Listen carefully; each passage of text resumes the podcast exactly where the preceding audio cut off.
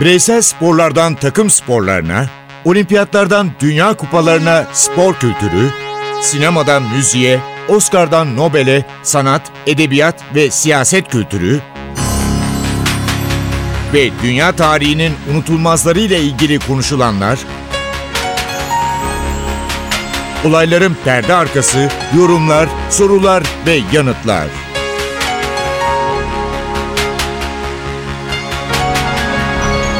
Ercan Taner ve Mert Aydın'la Ateş Arabaları başlıyor.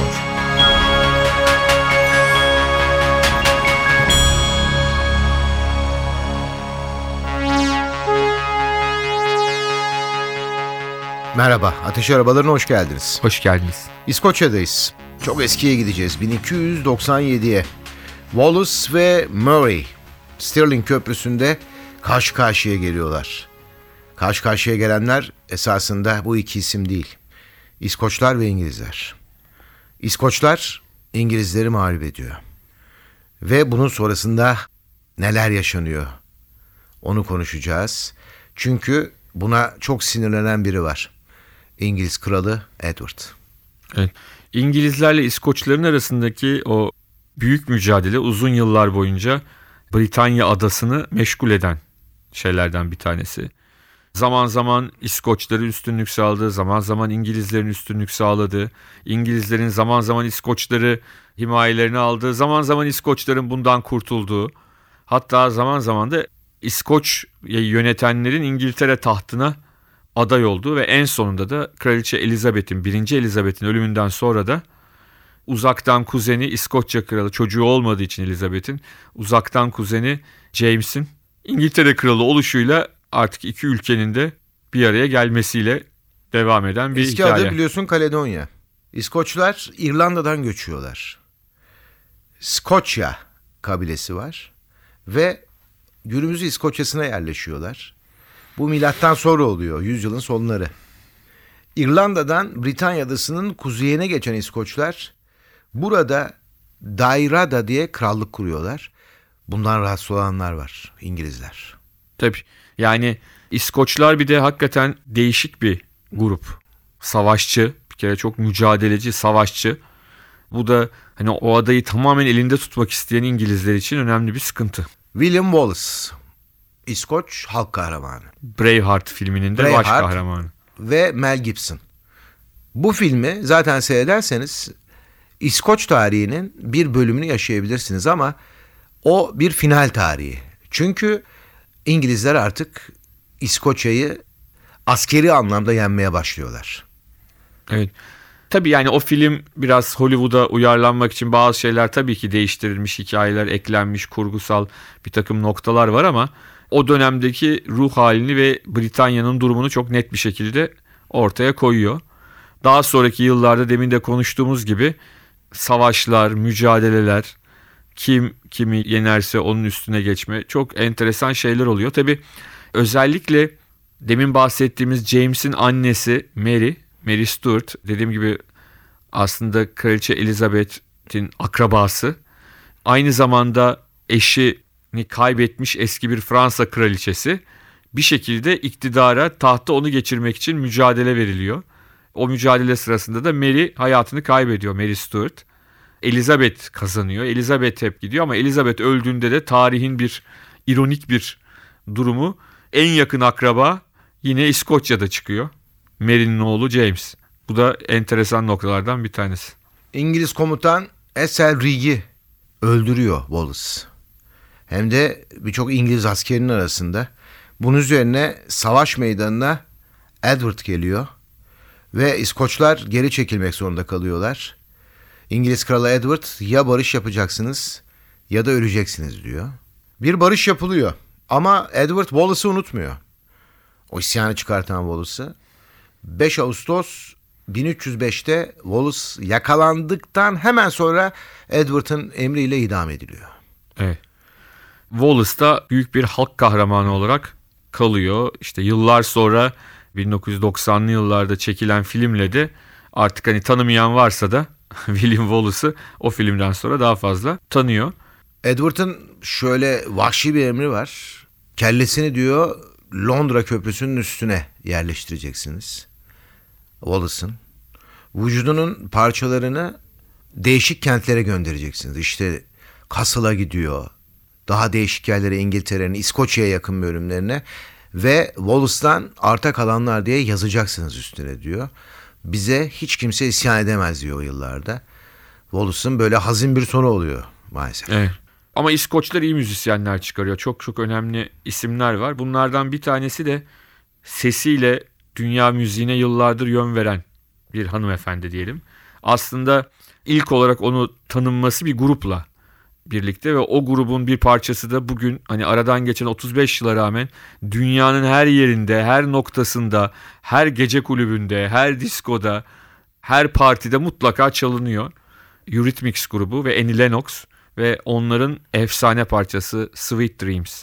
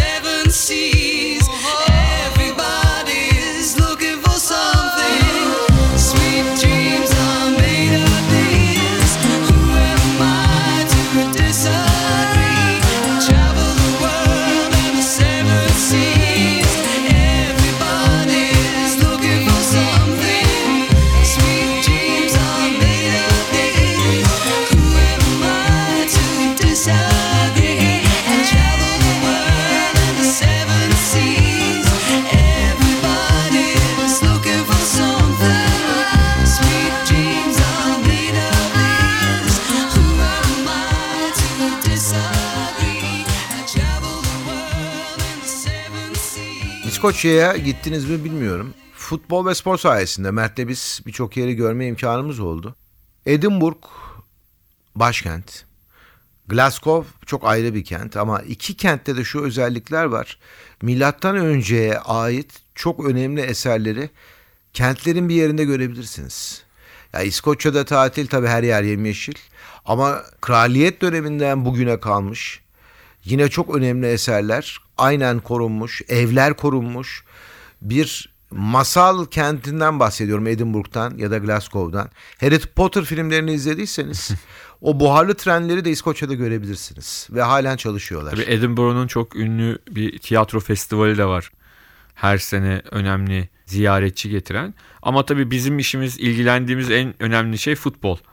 Bu iki şehrinde aslında içinde iki büyük rekabet var. Ama tabii Edinburgh'daki rekabet biraz nasıl diyelim şeyin gerisinde kalıyor.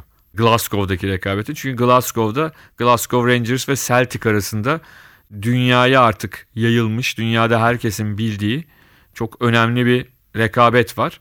Ve o rekabette işte taraftarların Glasgow şehrinde yaşayan İskoçların dinsel eğilimleriyle ilgili bir rekabet olduğu için biraz şiddette farklı oluyor. Yani şöyle bir durum yok bizim ülkemizde alıştığımız gibi bir ailede bir işte Rangers'lı bir Celtic'li öyle bir durum yok. Halalar teyzelerin bir kısmı Rangers'lı bir öyle bir durum yok kesinlikle. Çünkü Celtic'i senin de biraz önce tarihi şekilde anlattığın gibi İrlanda kökenlerini sürdüren Kelt kökenliler ki bunlar genelde İrlanda bayrağı da taşırlar, asarlar. Katolikler tutuyor. Rangers ise protestanların ağırlıklı olarak ağırlıklı değil protestanların tuttuğu bir takım Glasgow kentinde. Bu da doğal olarak işi sadece bir futbol maçının da bırakmıyor. Ötesine ortaya getiriyor. siyasi ve dini bir sportif düşmanlık diyeyim. Çünkü birbirlerinden nefret ederler. Ve de İskoçya Ligi az takımdan oluştuğu için takımlar birbirleriyle 4 maç yapıyorlar.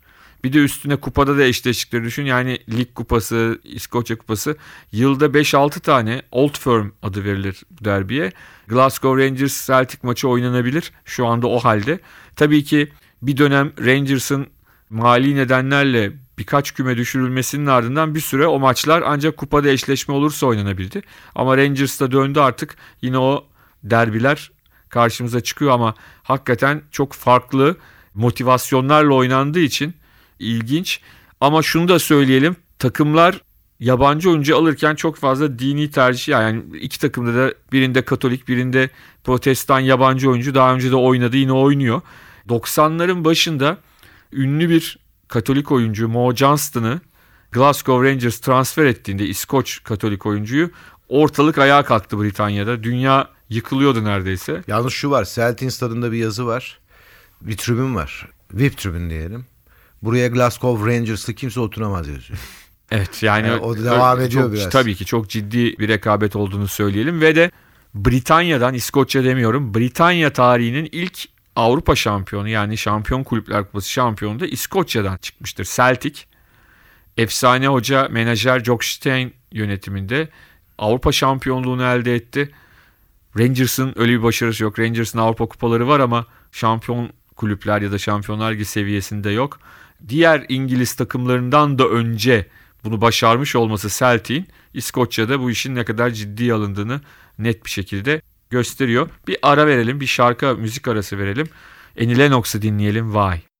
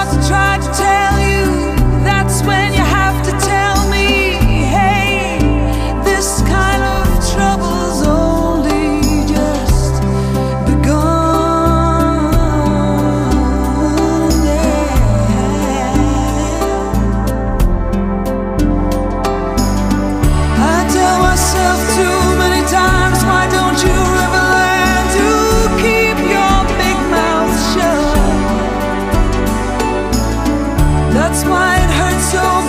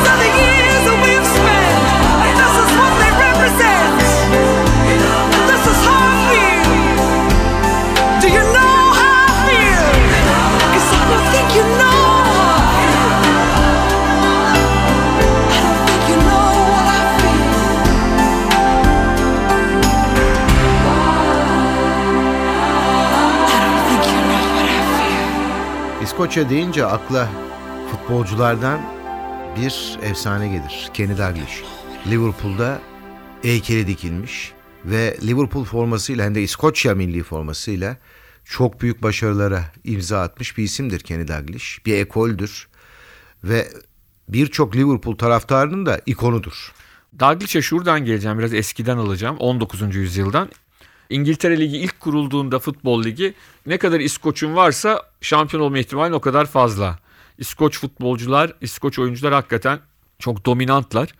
Ve yıllar geçtikçe İskoç teknik direktörler, menajerler de çok fazla etki ediyor. Yani birçok ünlü menajerin kökeninde bir İskoçluk olduğu Busby'nin, Shankly'nin söyleyebiliriz. Zaten hani Douglish'in kendisinden Alex Ferguson'a kadar çok fazla zaten böyle isim var. Britanya futboluna damgasını vuran isimler. Ve Douglish Keegan'ın gidişinden sonra Celtic'ten Liverpool'a transfer oluyor. Ve ondan sonra da hakikaten İngiltere Ligi'ne Liverpool'la birlikte damgasını vuran isimlerden biri oluyor. Bununla da yetinmiyor. Futbol hayatının son bölümünde oyuncu menajer olarak Liverpool'da şampiyonluk görüyor. Hatta Liverpool'un son lig şampiyonluğu da Kenny Dalglish yönetiminde 1990 yılında. Ve Dalglish zaman zaman Liverpool'da bir sorun olduğunda abi bir gel bir takımı kurtar denen adam aynı zamanda. Olaya müdahale et. Ki daha arada da Blackburn'u Premier Lig'de çok da aslında Shearer'ı bir yana koyarsak büyük yıldızı olmayan bir takımı da Premier Lig şampiyonu yapmış bir teknik direktör, bir menajer Kenny Dalglish. Yine Newcastle'da başarılı performansı var. Yani Dalglish Britanya futbolunun, İskoç futbolunun önemli simgelerinden bir tanesi bunu söyleyebiliriz. Joe Jordan var. Daha eskilerle Bremner var. İskoçya milli takımı Adalar Kupası oynanırken Evet. Britanya'da işte İskoçya, Kuzey İrlanda, İrlanda Cumhuriyeti, Galler, İngiltere çok güzel bir kupaydı hatırlıyor musun? Evet.